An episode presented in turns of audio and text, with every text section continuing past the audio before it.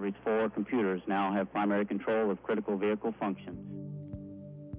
Du lytter til Ida Space Talks, en podcast om rummet over os, om hvordan universet har haft indflydelse på vores selvforståelse og vil præge vores fremtid. Ida Space Talks er udgivet af Ida, fagforening for teknologi, IT og naturvidenskab, i samarbejde med det faglige netværk Ida Space. Mit navn er Tino Tønnesen, og det er mig, der er vært på Ida Space Talks.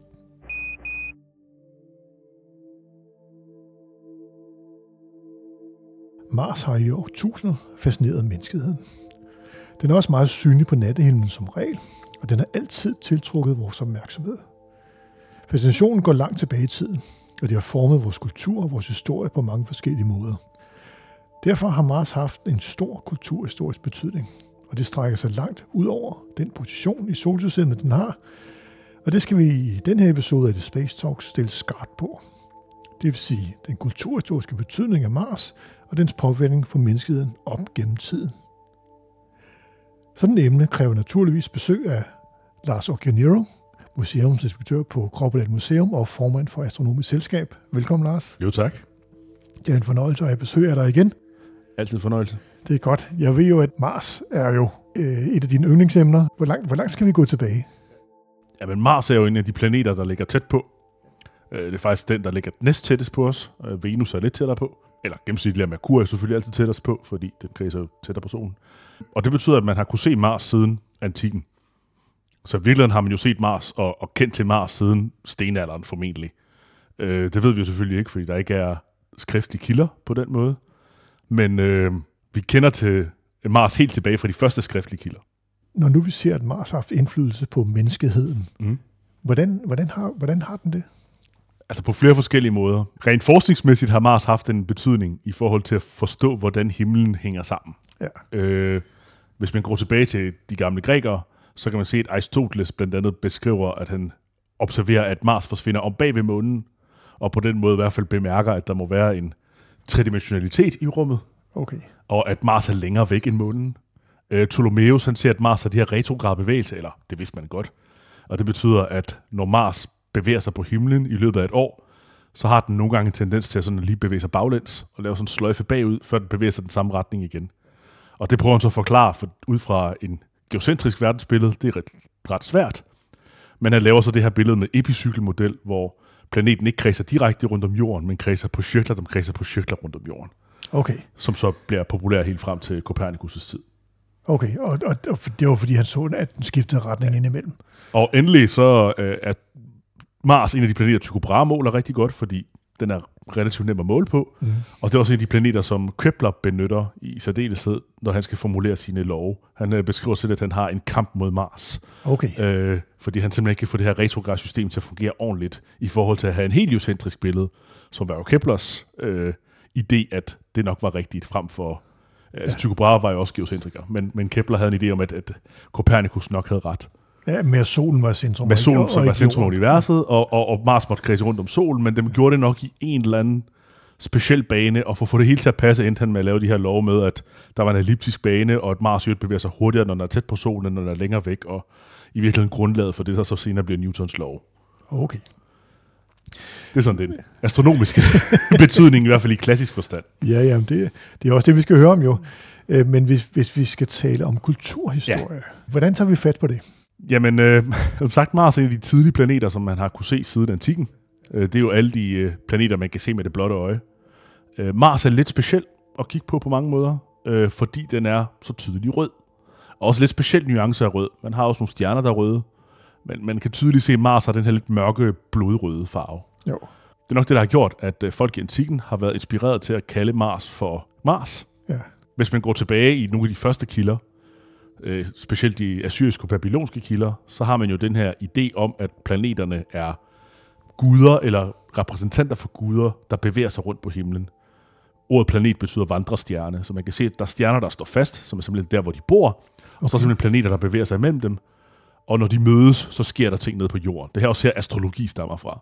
Aha. Den her idé med, at når guderne mødes, så påvirker de jo jorden ja. øh, på en eller anden måde. Og den her blodrøde Mars, den blev så til at starte med i det babylonske, altså det ældste kilde, vi har. Øh, den bliver kaldt Nergal, altså det er babylonerne, og Nergal, det er en gud for sådan krig og død og ødelæggelse i virkeligheden. En mindre gud til at starte med, som så bliver en større gud senere. Men allerede dengang, så var det øh, krig og... Ja, og Babylons mytologi øh, bliver så spredt rundt i Mellemøsten og, og videre ud forbi øh, både ned mod Ægypten og ned mod Grækenland, så man kan se, at Nergal bliver forvandlet og taget andre myter og bliver til øh, Ares. Mm-hmm. Og grækerne kalder også Mars i deres tekster for Areus Asta, altså Ares' stjerne. Stjerne. Øh, og Ares kommer så til Italien og til Romeriet og bliver til Mars, Aha. som er blandet med nogle andre guder derfra og bliver til Mars som den her krigsgud. Og det er altså derfor Mars hedder Mars. Og for øvrigt så kommer han op i nord, så bliver det til Tyr. Det vil sige, at fra starten var Mars faktisk krigsplaneten, krigsguden. Krigs, blod, ødelæggelse, ja. vold, ja. Og det er simpelthen fordi, den er rød som blod, Ja. så man har den her idé om, at altså, den må have noget med krig og blod at gøre, fordi den har den farve, den har.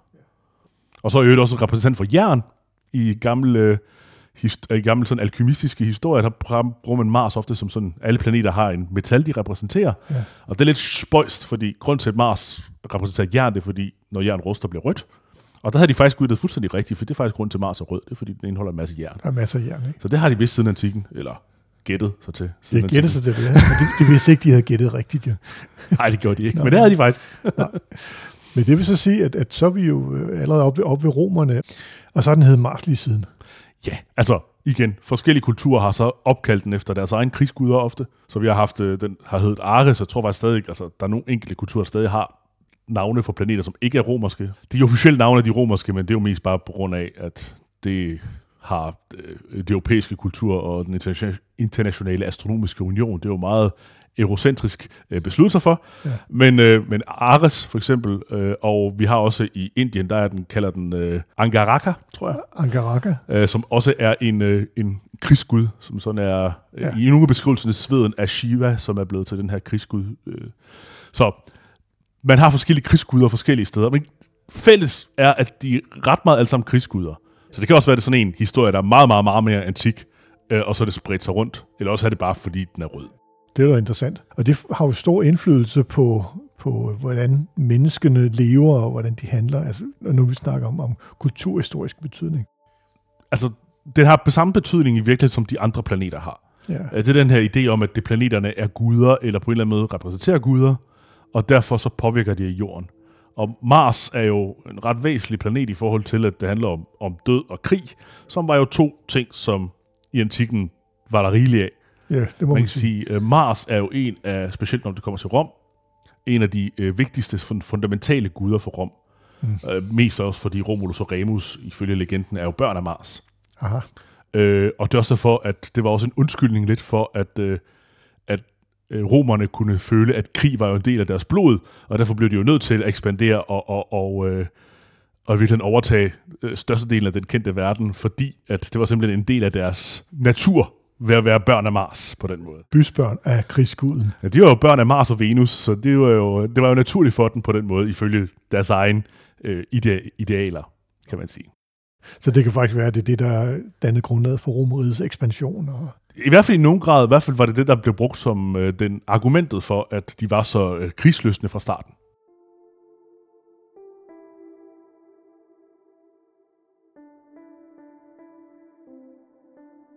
nu er vi kommet fra Nergal øh, hos babylonerne op til, til Mars hos romerne. Hvad er, hvad er næste skridt? I virkeligheden er der ikke det store, simpelthen fordi, at planeter er bare de her lysende krystalkugler af æder, der flyder rundt om jorden. Jo. Det er først, når man begynder at kunne se nærmere på planeterne, at de bliver meget mere mangfoldige, og det er ikke bare lysende krystalkugler. Det vil sige, at når man begynder at opfinde teleskoper. Og, Ja, ja. netop. Så den første, der kigger på Mars med teleskop, i hvert fald en af de første, som man kender til, det er jo selvfølgelig Galilei. Han kigger jo på alt, hvad han kan komme til og kigge på. Nu har han fået det her lille stykke legetøj i hænderne, så skal han da dele med os bruge det. Selvfølgelig. Der er bare ikke det store at se på Mars. Øh, det kræver en ret god teleskop, for at du kan se overflader eller anderledes områder på Mars. Jo. Øh, det kan man godt med et godt teleskop i dag, men det kunne Galilei altså ikke med sit. Han kunne se Mars som sådan en rød kugle, Ja. øh, frem for en rød prik, som derfor kunne se, at det ikke var en stjerne, men det vidste han så også godt jo. Men han fik bekræftet, at det var en rød planet. En rød plet, ja. Ja.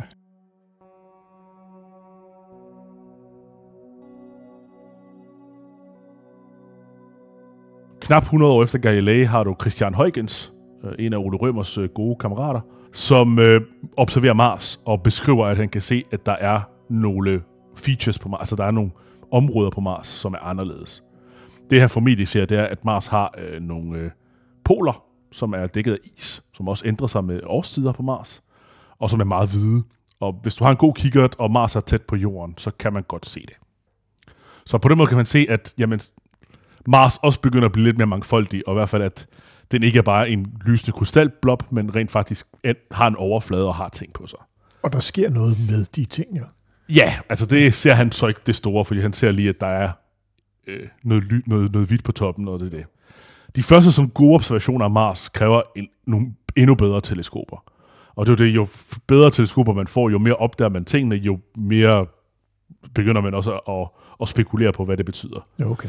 De første rigtig, rigtig gode observationer, sådan man kender til af Mars, de stammer fra 1877, hvor den italienske astronom Schiaparelli, han har en, øh, et godt teleskop, øh, mener i Milano, som han observerer fra. Øh, og observerer, at Mars har nogle øh, mørkere og lysere områder.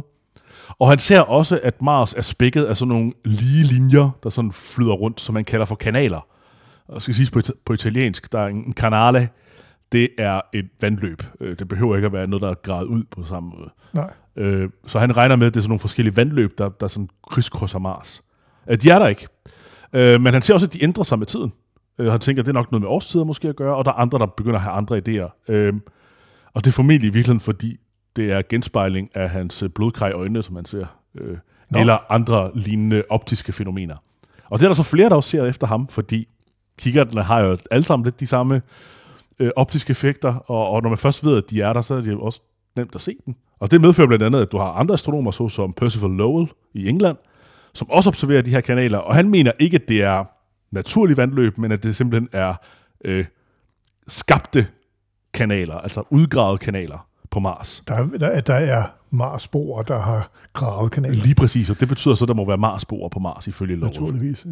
Hvad gjorde det så ved vores opfattelse af Mars?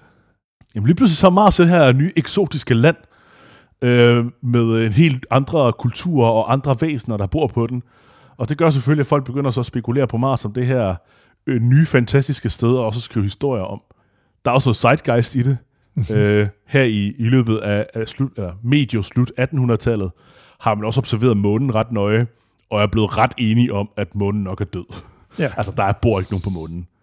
Så de gode historier, man kan have om at besøge månen og besøge månemennesker, er efterhånden ved at være død ud, fordi ja. den mulighed er der ikke. Jamen, så kan vi jo tage til Mars i stedet for hvor der tydeligvis er nogen. Men det med månen, er det fordi teleskoperne er så gode, at hvis man kigger på månen, så kan man se, at der, er, der, der ser ret tørt ud.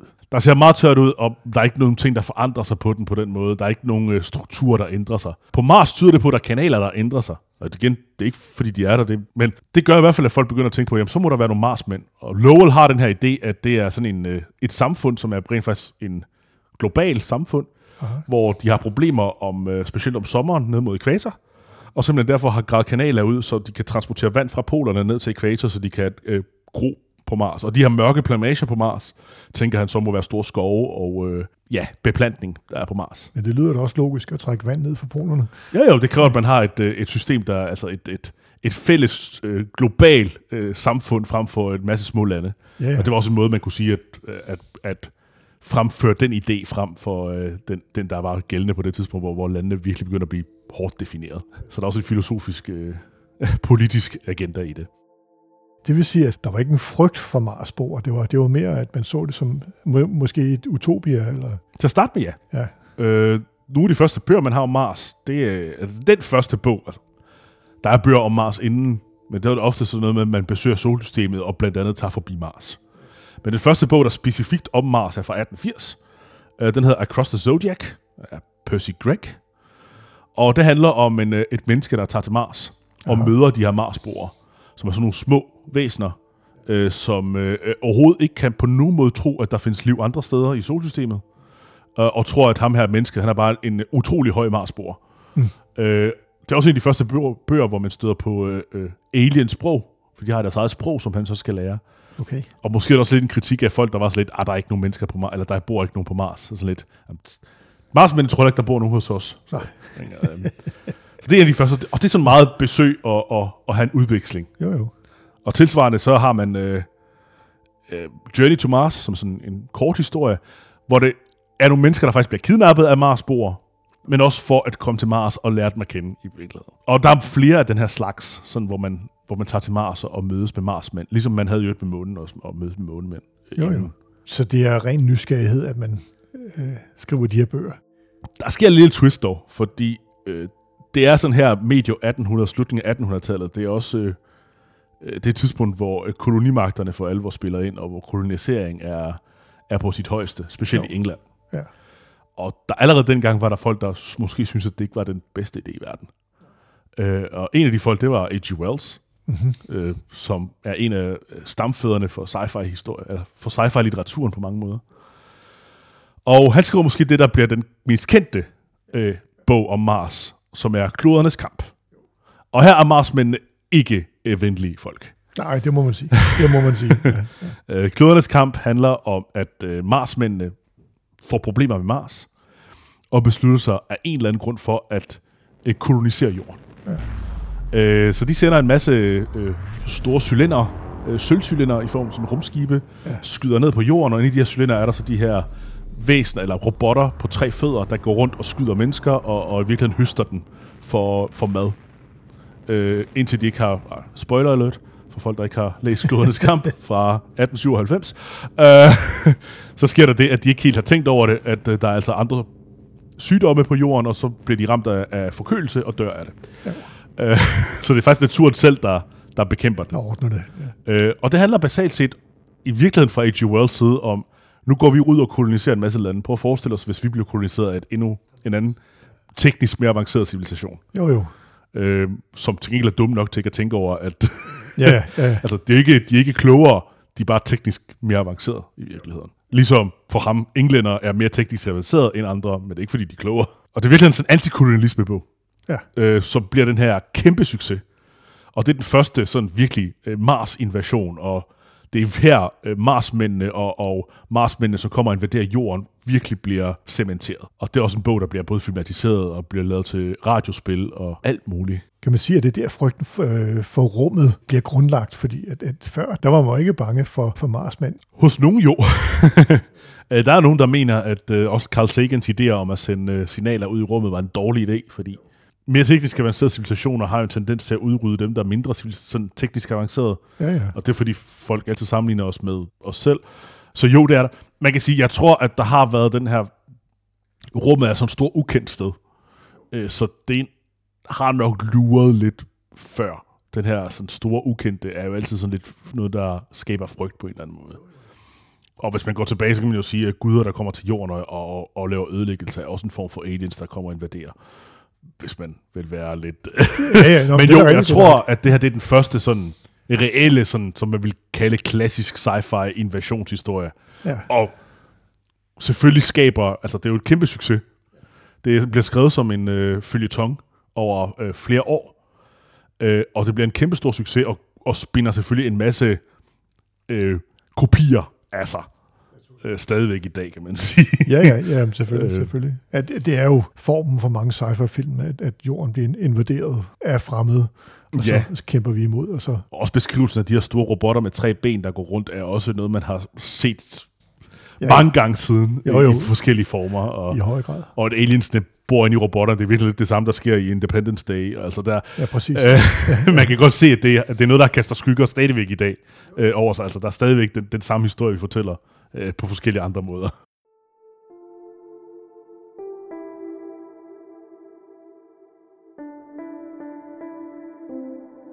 Nu begynder der også at komme videnskab ind i det.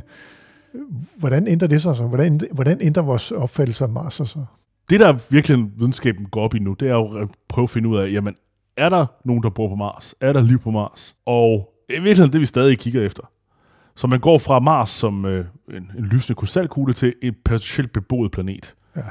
Og nogle af de første sådan, missioner, der handler om at rent faktisk besøge Mars, har jo også det eksplicite formål at kigge efter liv på Mars. Ja. På det tidspunkt har man nok indset, at der ikke er civilisationer på Mars. Altså, man kan jo godt se, at øh, for det første, de her kanaler begynder at forsvinde, efterhånden som kigger der bliver bedre. Ja. Så det tyder på, at det nok ikke var en reel ting. Øh, man ser også, at øh, der ikke sker sådan de store ændringer på Mars. Men man begynder at have nogle forskellige rummissioner til Mars, og det er så selvfølgelig i løbet af 70'erne, så øh, en del øh, senere end 1800-tallet, øh, øh, hvor man øh, i løbet af 70'erne sender øh, Mariner og Viking-sonderne, hvor øh, man begynder sådan at kredse rundt om Mars og tage nærbilleder, og Viking-sonderne lander på Mars øh, for at undersøge overfladen. Hvornår var det? Det var i... Det var i, øh, altså, uh, Mariner blev opsendt i 71, og Ja. Viking-sonderne, det var i 77, vil jeg husker. 76. Uh, Viking-sonderne var i 76. Og der kan man se, at Mars også ser ret øde ud opfra. Der er nogle sjove ting, fordi man kan se, at der er bjerge på Mars, og under de rigtige skyggeforhold, så kan de godt ligne lidt nogle pyramider. Uh, man kan også godt se, at der er en enkelt klippe på Mars, et, et bjerg på Mars, som under de rigtige skyggeforhold, så kan det godt ligne et ansigt. Igen, vi mennesker har også en tendens til at kunne se ansigter i alting. Og, og det gør jo, at der er rigtig mange, der begynder, uha, det er jo øh, gamle rester af en gammel civilisation, der har været på Mars. Jo, jo, jo, jo. Man skal også sige, at, at tilbage her i, i specielt tidlig 1900-tallet, har man en teori om, at solsystemet er blevet dannet udefra ind. Så Mars må være blevet dannet før jorden. Så man har også en idé om, at Mars er ældre, og derfor kan civilisationen være startet på Mars. Og så da de stak af fra Mars, så de har koloniseret jorden. Og det er så, at livet på jorden stammer fra Mars, begynder også at være en, en populær tanke. I 70'erne? Ja, og lidt tidligere i virkeligheden. Ja, ja. Øh, sådan i løbet af 50'erne og 60'erne i Okay. højere grad. Okay. I øvrigt nogen, som der stadig tror på det. øhm, men, øh, man begynder at have de her, og, og man begynder at se, at Mars nok ikke har civilisationer på sig, og nok aldrig har haft det, da man kigger nærmere. Og Viking-sonderne, da de lander, så begynder de at undersøge jorden og prøve at undersøge, om der er biomarkører, Ja. i virkeligheden det, vi stadig gør i dag, Jo. øh, ved at sende øh, Mars rovers, øh, og opdager, at Mars' jord er meget reaktivt. Og det er formentlig fordi, at det faktisk er giftigt på mange måder, og, og en lille smule basisk. Ja. Så det reagerer ret kraftigt med rigtig mange af de måleudstyr, man har øh, på Viking-sonderne. Ja, så, så, så liv, som, øh, som, som vi opfatter det, vil stort set ikke være muligt. Jo. Mars er ikke et specielt rart sted at være på mange måder, nej. Øh, der er, man finder ud af, at der er stort set ikke noget luft på Mars. Øh, trykket er meget, meget lav. Øh, sandet på Mars er potentielt gift, eller er giftigt. Der er mange faktorer, der gør, og øh, der er ikke noget magnetfelt, så der er meget stråling på Mars. Mm. Alt i alt, så er Mars øh, ikke specielt gunstigt for liv, som vi kender det i hvert fald. Nej. Det, der er så spekulation, det er, at man begynder at kigge nærmere på Mars, så ser man også, at Mars til gengæld har de her mørke områder, mere godt kan ligne havbunde, og man begynder at kunne se revner, som ligner floder. Og det spekulerer så, at jamen, tyder på, at Mars har haft et andet liv tidligere, Mm-hmm. med flydende vand. Og det er herfra, man så stadigvæk har en idé om, at så kan der have været liv på Mars. Nok ikke i form af civilisationer, men måske i form af noget algebakterieværk. Og potentielt har man også fundet ud af, at der er undergrundsvand på Mars. Så der kunne hypotetisk godt være et eller andet i de her meget salte vandpøler, der er på Mars. Noget liv, som er meget anderledes til det, vi kender, men nok i altså, encellede organismer og lignende ting. Og det er også det, øh, øh, Perseverance blandt andet kigger efter. Den kigger efter... Øh, en af dens formål er at kigge efter fossiler Jo. øh, øh, på Marssten. Simpelthen kigge efter ja, bakteriefossiler og, og encellede organismefossiler i Marssten. Jo. Lars, efter klodernes kamp der i 1897, der ændrede vores opfattelse af- Mars, øh, og vi tænkte måske mere som noget ondt af en eller anden slags. Noget, noget der vil kunne kolonisere os i hvert fald.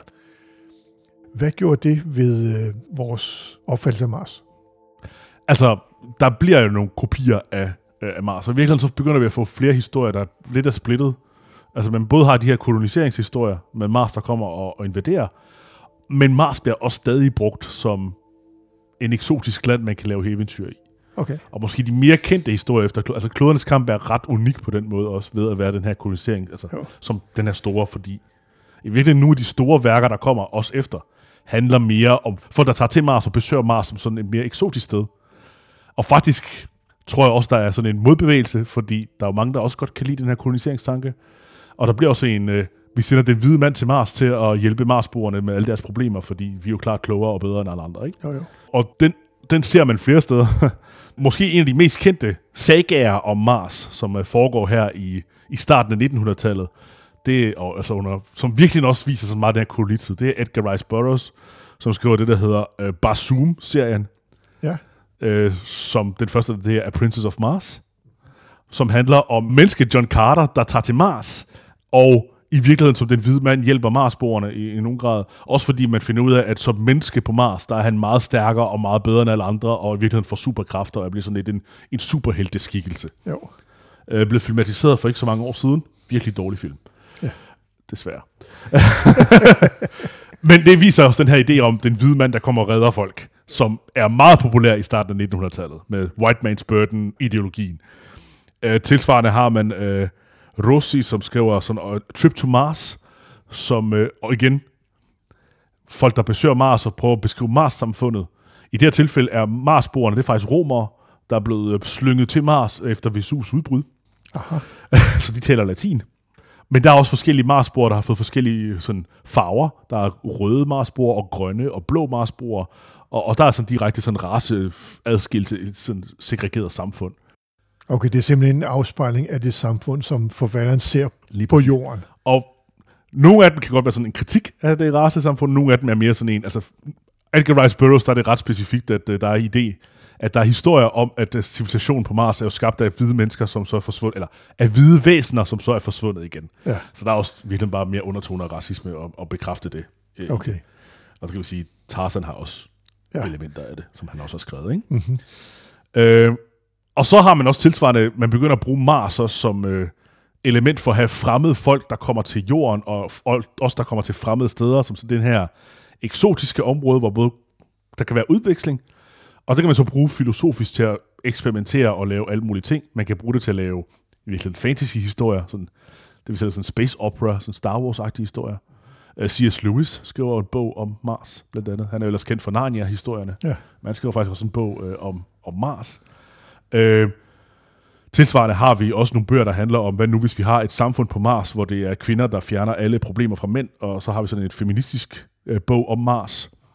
Øh, vi får også, øh, i efterkrigstiden begynder vi også at få sådan nogle øh, koldkrigspropaganda om Mars, både med øh, folk, der i særdeleshed øh, som Mars som det her store kommunistiske fællesskabssamfund, mm-hmm. som virkelig bruger Mars som sådan et, øh, et billede af det perfekte sovjetiske samfund. Den er jo også rød.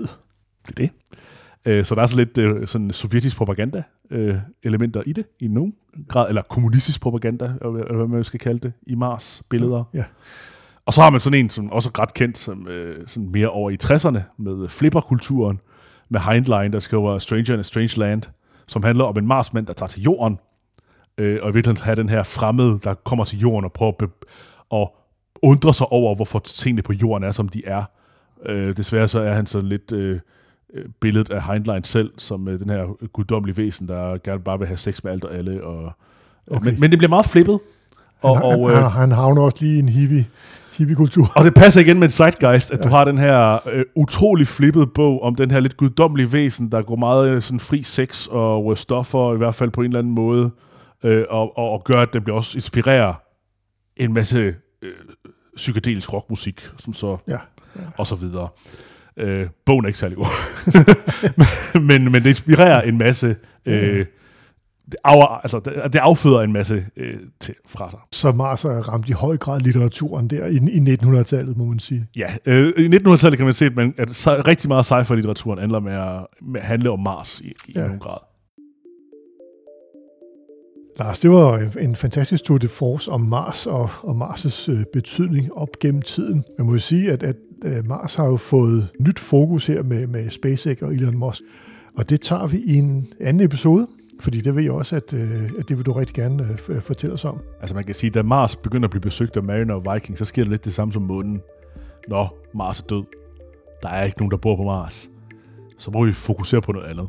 Ja. Og ligesom med månen, så begynder fokus at være ikke så meget at besøge Mars og have det øh, sjovt med de folk, der er der, eller blive invaderet af dem. Så begynder det mere at blive den her med, okay, hvordan kan vi bruge Mars? Altså, hvordan kan vi begynde at have mennesker på Mars og lave byer på Mars og kolonisere Mars? Ja. Og hvordan kan vi udnytte Mars? I virkeligheden, hvordan kan vi udnytte Mars? Ja. Og, og det er så den næste bølge af sci-fi-litteratur, der kommer i løbet af 80'erne og 90'erne. Ja, og så kan vi sige om, om krigsskoden svar igen. Men det tager vi ind i øh, næste episode. Det gør vi. Tak fordi du kiggede forbi, Lars. Det var så lidt. Du har lyttet til The Space Talks.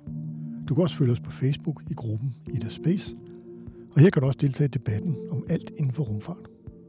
Du kan også skrive til mig på trt hvis du har et emne, som du synes, at vi kan tage op. Og du kan abonnere på podcasten via din favorit podcast udbyder. Ida Space Talks er en af flere podcasts, der udgives af Ida, Fagforeningen for Teknologi, IT og Naturvidenskab. Og du finder alle Idas podcasts på ida.dk-podcast.